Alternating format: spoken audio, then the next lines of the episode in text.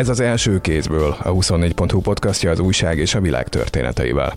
Ma tényleg a világéval. Először az orosz-ukrán háborúba bedobott kínai béketervről beszélünk. Ahhoz, hogy az ukránok belemenjenek bármilyen békedélbe, az az oroszoknak jelentős mennyiségű területről kellene lemondania.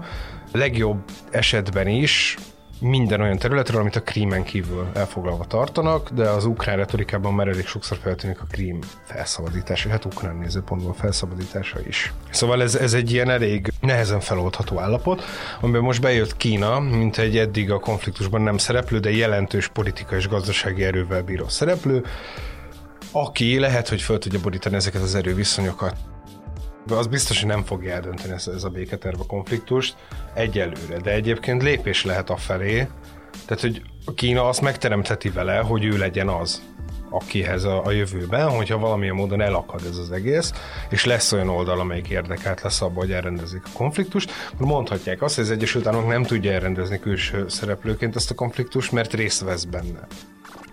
Ukrajnában választások lesznek, és bármennyire is Volodymyr Zelenszky az elmúlt évtizedek legnépszerűbb ukrán vezetője, nagyon-nagyon jól áll a felmérésekben, neki is vannak korlátai, és nem vagyok benne teljesen biztos, hogy Zelenszky mondhat olyat, hogy átadunk területet Oroszországnak egy béketárgyalással. És szerintem egyébként Vladimir Putyin se szeretne annyira közel kerülni Kínához, mert az oroszok és Kína közeledésének most egyetlen főnöke lenne Kína.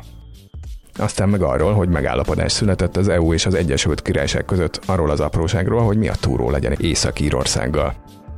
Ahhoz, hogy, hogy legyen határ az unió külső határain, ahhoz újra kellene határ Észak-Írország és Írország között. Most, ha jól értem, ez valójában a tengeren lesz. Tehát, hogy Észak-Írország az egy ilyen nagyon szerencsés helyzetben lévő és különleges gazdasági övezet lesz ezzel, mivel effektíve egyébként a, a, a britek áldoztak föl valamit hogyha egy valamiben nagy, tényleg nagyon erős az Európai Unió, azok a gazdasági meg vámtárgyalások, tehát ebben abszolút szuperhatalom vagyunk. Amit lehet tudni, hogy ebben az ügyben azért masszívan az Európai Unió nyert, és hogyha Brexit megmutat valamit, akkor az az, az hogy, hogy nem érdemesebb kívül lenni az Európai Unión, mint belül. Azt is megmutatja, hogy nem mész bele tönkre egyébként feltétlenül, de rosszabb lesz. Én Pál Zsombor vagyok, ezúttal is én kérdezek.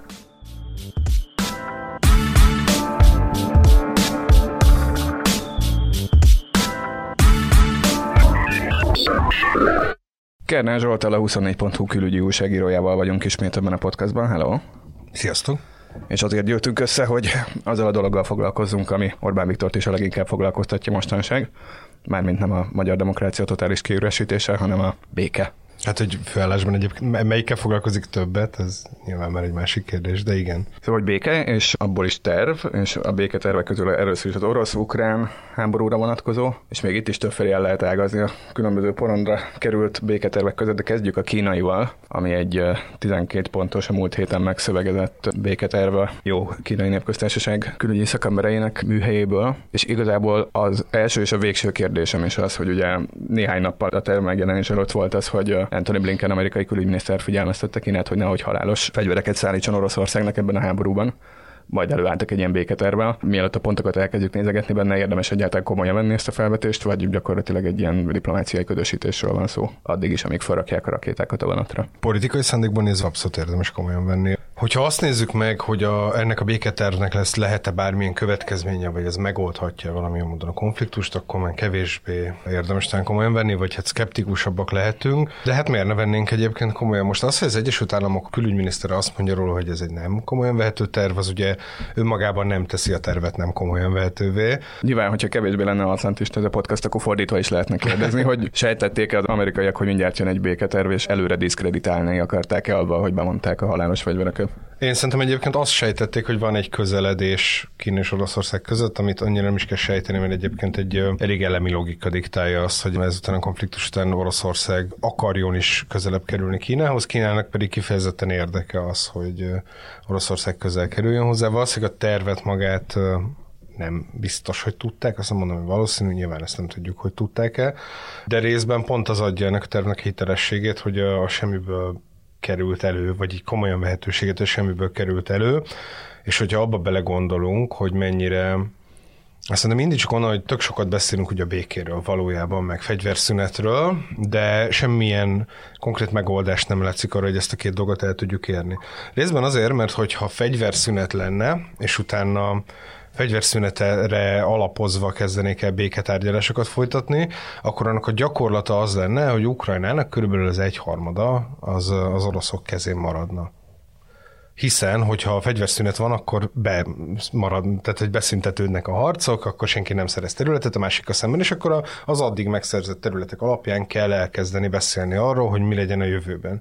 Tehát ennek egyenes következménye lenne az, hogy Ukrajna bizonyos területe, amelyet Oroszország jelenleg valóban az ellenőrzés alatt tart, ugye ez nem minden már annektált terület, hiszen annak egy jó részét visszaszerezték, de Hersonról nem nagyon beszélnek már az oroszok, mint ilyen saját területre, miközben az orosz alkotmányban benne van egy egyébként a négy újonnan annektált megyével együtt az is, hogy oda tartozik. Szóval nem minden az oroszoké, amit az oroszok magukénak mondanak, de azok fölött a területek fölött, amelyeket Ukrajna magának mond, bizonyos esetekben Oroszország uralkodik éppen, és akkor ezt kellene megfejteni valahogy akkor lehet fegyverszünetet kötni, hogyha bármelyik félnek is érdekében áll az, hogy fegyverszünetet kössenek. Ez most még nem is igaz egyébként egyikükre nézve sem. Mind a két fél a nagy tavaszi hadjáratokra készül, és mind a ketten alapvetően bíznak abban, hogy ezek a nagy tavaszi hadjáratok, ezek az ő előnyüket fogják hozni. Tehát nem is érdekeltek igazán a tűzszünetben. Politikai kényszer is van, Ukrajnában választások lesznek, és bármennyire is Volodymyr Zelenszky az elmúlt évtizedek legnépszerűbb ukrán vezetője, nagyon-nagyon jól áll a felmérésekben, neki is vannak korlátai, és nem vagyok benne teljesen biztos, hogy Zelenszky mondhat olyat, hogy átadunk területet Oroszországnak egy béketárgyalással. Tehát lehet, hogy ő nincs abban a politikai helyzetben. Ugye ennek az ilyen háborús mentalitásnak, amiben Ukrajna most van, ennek vannak ilyen sajátos dolgai, amiket Magyarországról nézve nehéz elképzelni ennyiben pontosítanám a miniszterelnök urat, aki a parlamentben azt mondta, hogy a hogy az ellenzék fő problémája, hogy ők beleképzelik magukat az ukránok fejébe. A Fidesz egy kicsit lehet, hogy előrébb jutna vele, hogyha többször képzelné magát bele az ukránok fejébe, mert akkor jobban meg lehetne érteni, hogy miért reagálnak úgy, ahogy. Szóval ebben a mentalitásban kétséges, hogy oda tudná adni területeket, és hasonló igaz Putyinra is. Oroszországban is választások lesznek valamivel később, és valamivel kevésbé demokratikusan. Ugye van ez a régi vicc, hogy az ember két dolgot nem választhat meg, azt, hogy hova születik, és Oroszország elnökét. És ez valószínűleg igaz is, de azért a Putyinnek is vannak politikai kihívói, és ő se engedheti meg magának azt, hogy jelentős mennyiségű területről lemond. Márpedig ahhoz, hogy az ukránok belemenjenek bármilyen békedélbe, az az oroszoknak jelentős mennyiségű területről kellene lemondania. Legjobb esetben is minden olyan területről, amit a Krímen kívül elfoglalva tartanak, de az ukrán retorikában már elég sokszor feltűnik a Krím felszabadítása, hát ukrán nézőpontból felszabadítása is. Szóval ez, ez egy ilyen elég nehezen feloldható állapot, amiben most bejött Kína, mint egy eddig a konfliktusban nem szereplő, de jelentős politikai és gazdasági erővel bíró szereplő, aki lehet, hogy föl tudja borítani ezeket az erőviszonyokat. És ennek a javaslatnak a hitelességéről szerintem nem Anthony Blinken kell meghallgatni, hanem Volodymyr Zelenszkit és Vladimir Putyint, és ugye azt látjuk, hogy egyébként az oroszok és az ukránok figyelnek. Tehát a Zelenszky bejelentkezett, hogy szeretne a CIA beszélni, erről a békéről. Az oroszok is érdeklődve figyelik, és hát természetesen a minden politikusok legfontosabbik, a Orbán Viktor is támogatja ezt a békét. De, de amikor Zelenszky bejelentkezik, akkor a minden második erről szóló híradásban hozzátették, hogy mert nyilvánvalóan próbálja a teljes orosz-kínai összesimulás elől addig oszlatni a levegőt, amíg erre esélye van. Tehát nyilván, hogyha azt gondolod, hogy koroszán és baromság, akkor is azt mondod, hogy érdekes, beszéljünk róla. Kérdés egyébként, hogy erre van-e bármi esély, hogy ezt az összesimulást, vagy lett volna valaha bármi esély arra, hogy ezt az összesimulást megakadályozzák valamilyen módon. Nyilván a háború erősít azon, hogy Oroszország Kína felé sodródjon, de ezen azért a legtöbbet az a kínai szóhasználattal élve hidegháborús mentalitás okozza, amelyben újra rendeződik a nyugati és a keleti világ az utóbbi időben. És ez nem egy ilyen feltétlenül imperialista dolog egyébként. A, egyszerűen az, hogy a nyugat rájött, hogy bizonyos szempontból visszaéltek azzal az ilyen neoliberális, szabadon folyó globalizmusra épülő világrenddel keleten, amit ő annyira támogatott. Tehát az volt a bizalom, hogy rendben megy a tőke keletre, mindent onnan veszünk, legyártják olcsón, menjen a szabad kereskedelem cserébe. Ez a gazdagság, vagy a fejlődés valami módon demokratizálni fogja majd ezeket a kevésbé demokratikus keleti országokat. Na, ennek az előző első fele megtörtént, tehát Kína jobban él, iszonyú mennyiségű ember emelkedett ki a, a szegénységből a középosztály aljára, azért Kína még mindig Magyarországhoz képest nézve is nagy részt egy szegény ország, de azt nem látjuk, hogy, hogy demokratikusabbá válna. Van egy-két hely, ami demokratikusabbá válik ettől, de nagy általánosságban nem lehet azt mondani, hogy ez a fajta világrend, ez Amerikának szerzett volna új barátokat, sőt, egy csomó esetben attól félnek, hogy azzal, hogy az amerikaiak hagyták ezt az egészet eddig folyni, azzal igazából kitermelték a saját legveszélyesebb potenciális ellenfelüket Kínában. És igazából évek óta tart már ez a ráeszmélés, és ez az ellenségesebb hang Kínával szemben, aminek nyilván van mögött egy viszegegyszerű logika is, hogy Kína lassan akkora szereplő mint az Egyesült Államok, sokkal több emberrel, akik egyenként sokkal szegényebbek, mint az amerikaiak, de mégis jelentős gazdasági súlya, és ez a természetes hozzávalója ennek. Hogyha jelentős gazdasági súly jelenik meg a világpolitikában, akkor azt az eddig domináns unipoláris világrendben uralkodó Egyesült Államok azt rossz szemmel fogja nézni, vagy legalábbis óvatosabban fogja nézni. És az oroszok pedig az ellenkező irányba tartottak, tehát hogy a, valójában a, az ilyen az, ami a Szovjetunióból maradt, az igazából elkezdte elveszíteni egy kicsit a jelentőségét, és hát ennek egyébként egy ilyen viszonylag plastikus megmutatása az, hogy nem tudták elfoglalni Ukrajnát három nap alatt, de hát ez a korábbi imperialista, meg szovjet birodalmi álmokhoz mérten ez egy iszonyú csalódás egyébként. Most már megszoktuk ezt a gondolatot, hogy ők ott háborúznak, de hogyha visszagondolunk abba, hogy háború előtt mit gondoltunk a két ország erőviszonyáról, akkor ahhoz képest ez egy ilyen katasztrófa az oroszoknak.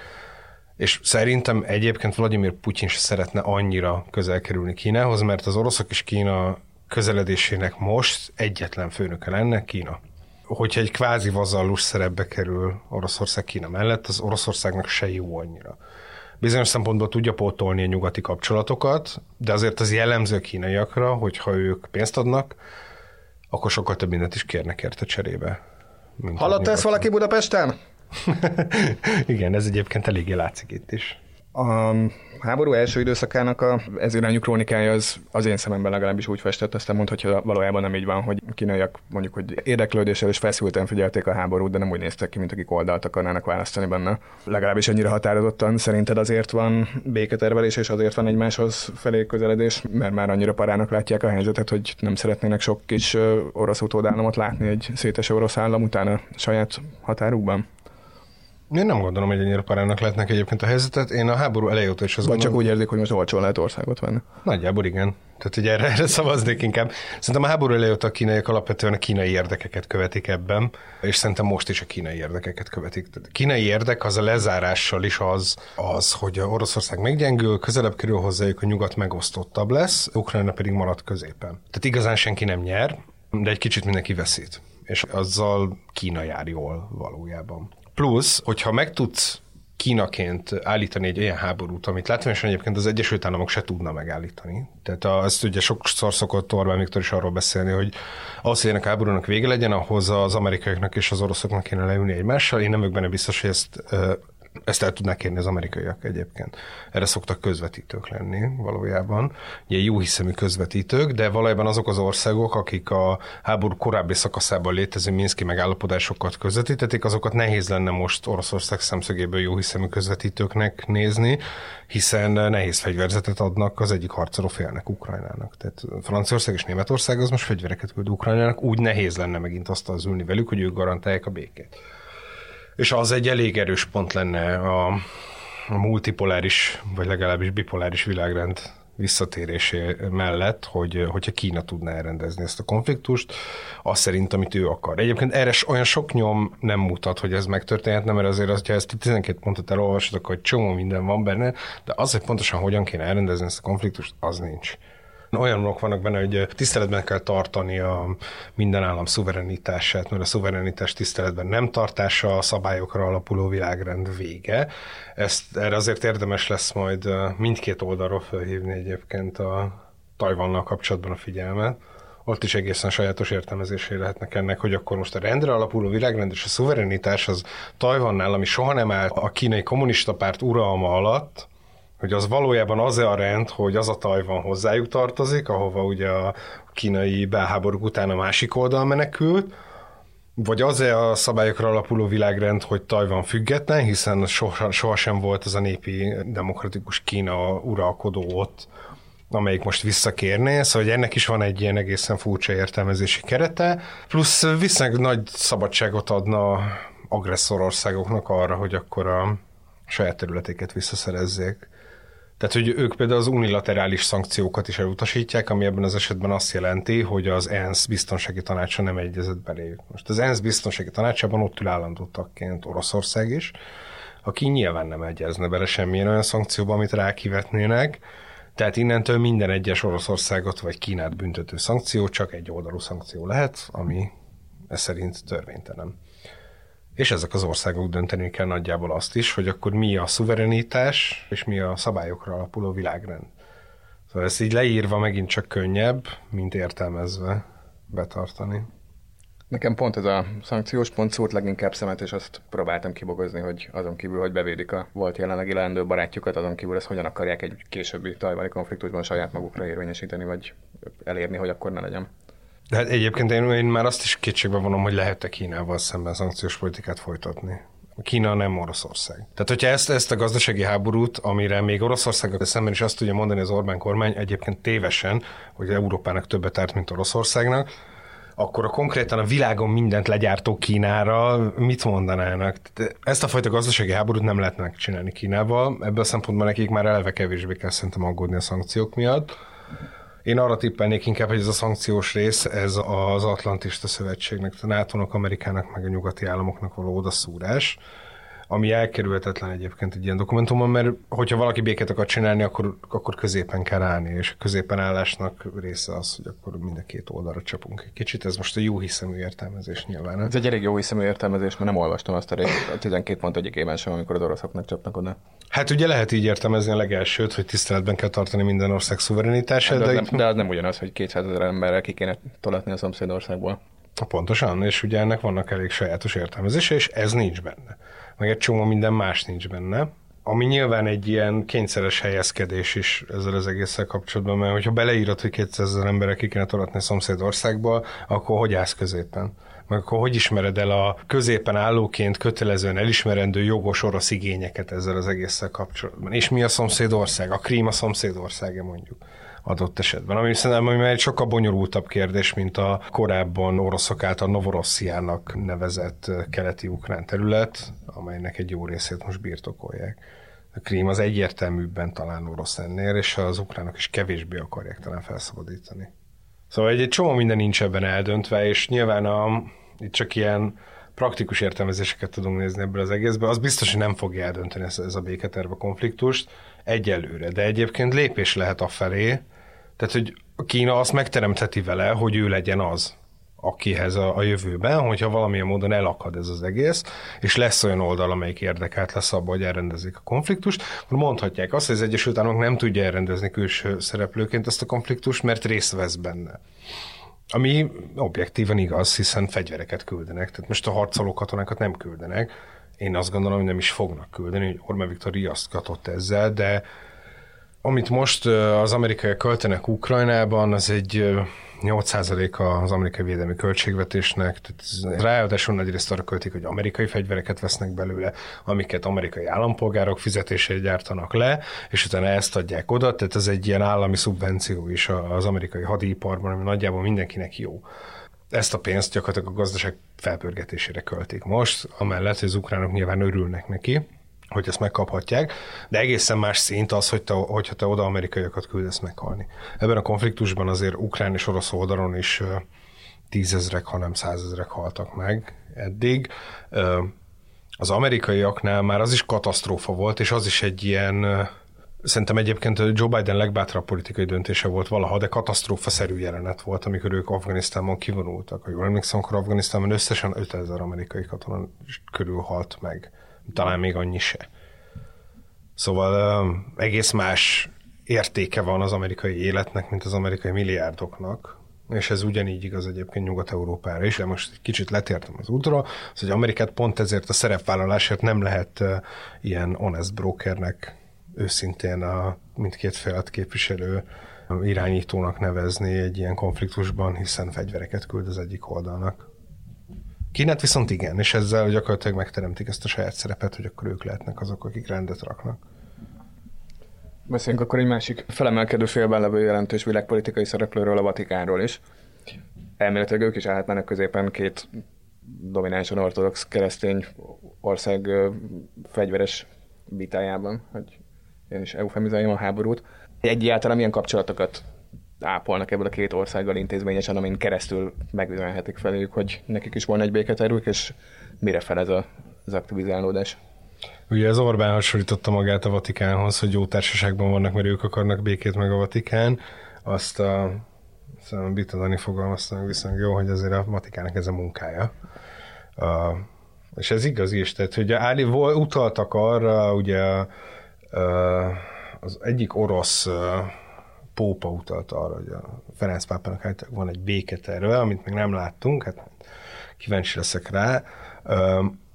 Akkor fölmerül nyilván a mostában nem tudom, mert sokat idézek Stálintól valamiért, és azt hiszem ez is Stálin idézet egyébként. A méltatlanul alul értékelt idézet gyűjteménye van egyébként, a hány hadosztálya van a pápának idézet, hogy egy bármiféle Vatikánból érkező vagy akár más kisebb országból érkező békeajánlat sokkal hiteltelenebbé tesz az, hogy se a katonai, se gazdasági ereje nincsen ahhoz, hogy, hogy retorziót adjon a békét be nem tartóknak. Ha mondjuk az Egyesült Államok odaáll mögé, és azt mondja, hogy itt a, itt a Vatikán a bíró, de én leszek az, akit behív a bíró, hogyha probléma van, akkor az már megoldást jelenthet, de azért csak félig. Nyilván a katolikus hitnek és a Vatikán küldetésének többféle értelmezése is van, ahogy ezt a világpolitika elmúlt 2000 évében folyamatosan láttuk, de azért alapvetően a béke az egy központi eleme a katolicizmusnak, és ebben az esetben szerintem a Vatikán Ugye ott az a különbség, hogy ne ők nem önös érdekből mondják azt, hogy legyen béke, hanem azért, mert ez az az univerzális emberi érték, amiben hisznek, ott is bele lehet ebbe kötni, azon a módon, hogy egyébként milyen békéről beszélünk pontosan a áldozatok békéről, vagy gyilkosok békéről, erről ugye volt már szó korábban. Kinek jó az a béke, ami béke? Szerintem a Vatikántól belefér az az üzenet, hogy egyszerűen legyen vége a harcnak bármelyik másik országtól, beleértve ebben Magyarországot is, mert kevésbé fér bele ez az üzenet. Tehát, hogy ott ötletekkel is kell előállni. Egyébként nem kizárt, hogy előkerülnek tényleg még ilyen egészen vad országokból béketervi javaslatok majd. Egyelőre azt gondolom, hogy kínai valószínűleg nem lesz hitelesebb, vagy, vagy ilyen alkuképesebb külső javaslat arra, hogy ezt hogyan rendezzék. Persze egyébként a Kínán, tehát hogy, a, hogy egy pillanatra még visszatérek a kínai javaslatra, azért ott is van benne egy ilyen elég erős gazdasági lehetőség. Tehát Kína ugyan ilyen őszinte középen állónak akarja felmutatni magát, de a 12 pontból az egyik az pont az újra, újraépítésnek a sürgetése, ahol Oroszország és a lebombázott Ukrajna területén is elég jelentős építési projektekhez juthatnak Kína, azzal, hogy ezt ebbe beleássák magukat, és azzal egy újabb szövetséges szereznének maguknak.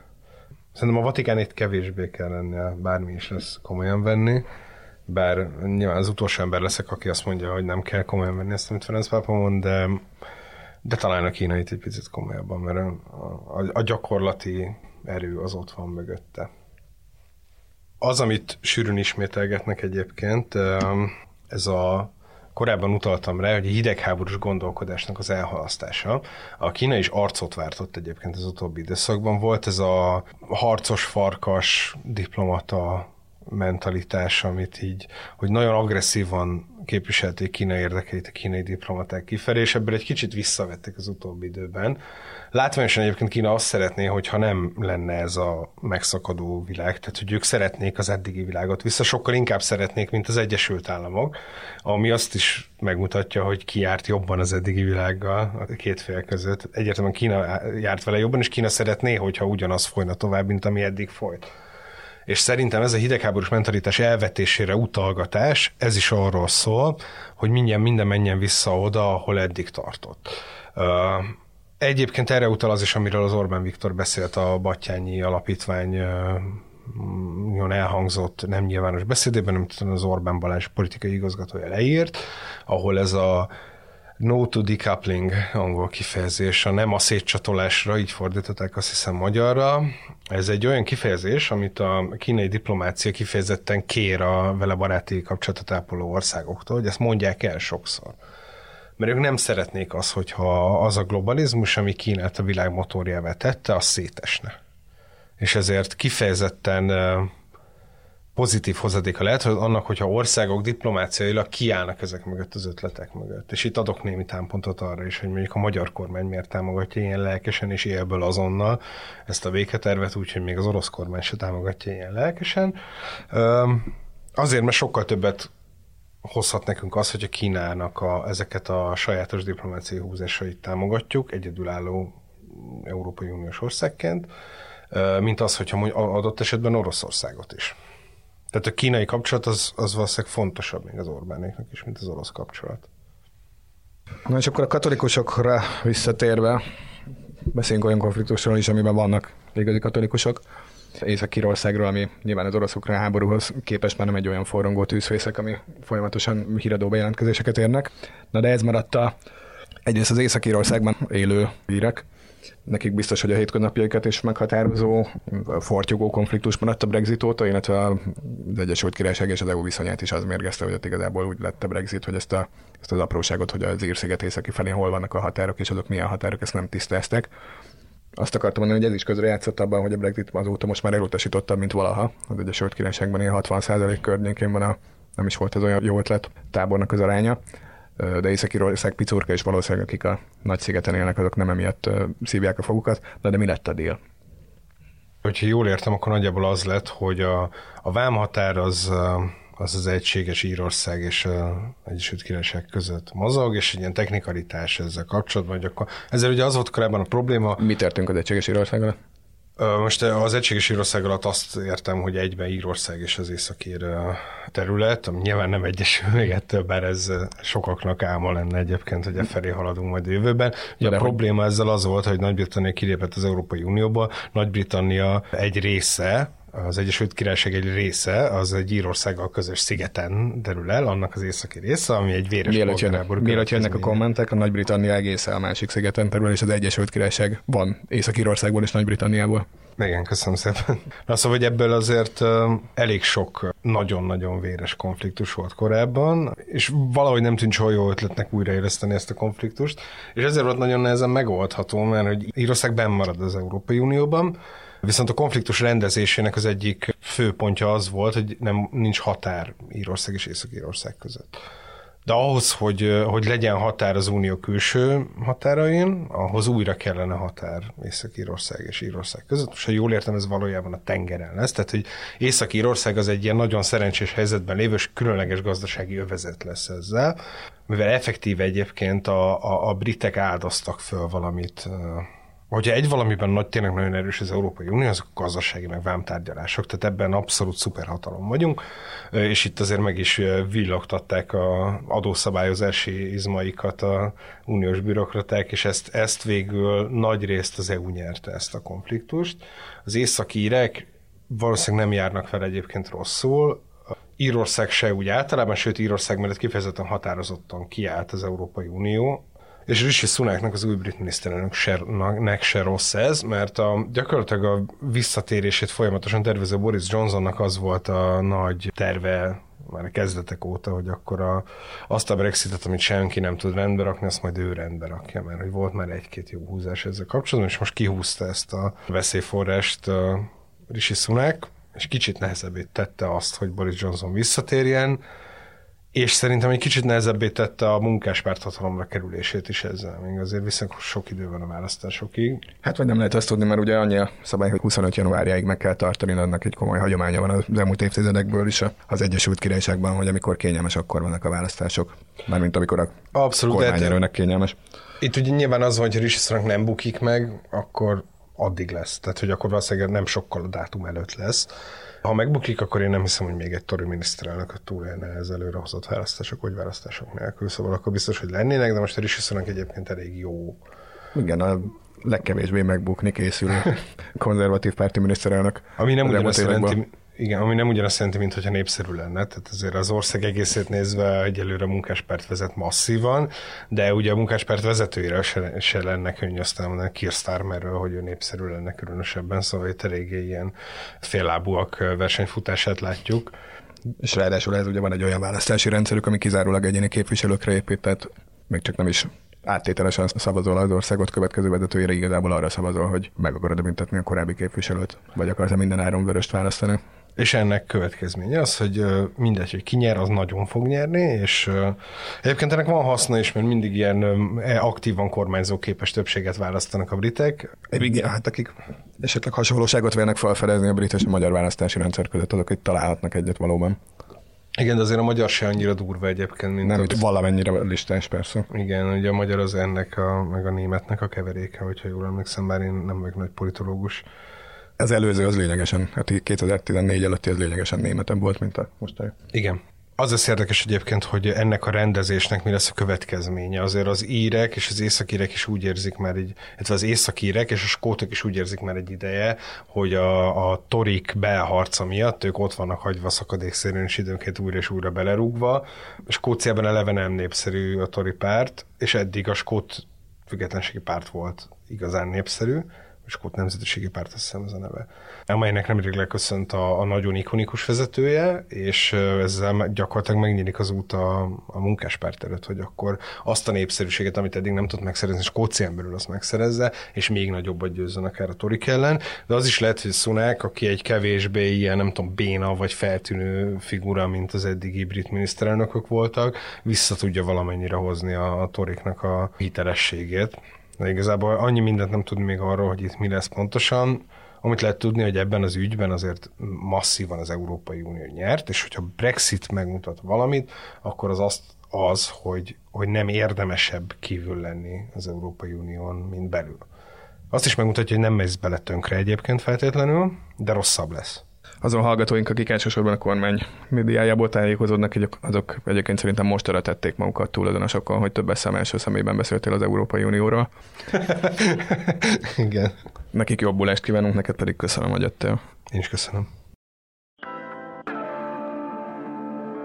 És köszönöm nektek is, kedves hallgatók, ez volt az első kézből. A héten már megjelent gazdasági podcastunk a Della friss epizódja, amiben az akkugyártás realitásairól van szó, és pénteken jön a három harmad is. Ebben a műsorban Kerner Zsolt mellett Pázsombort hallottátok.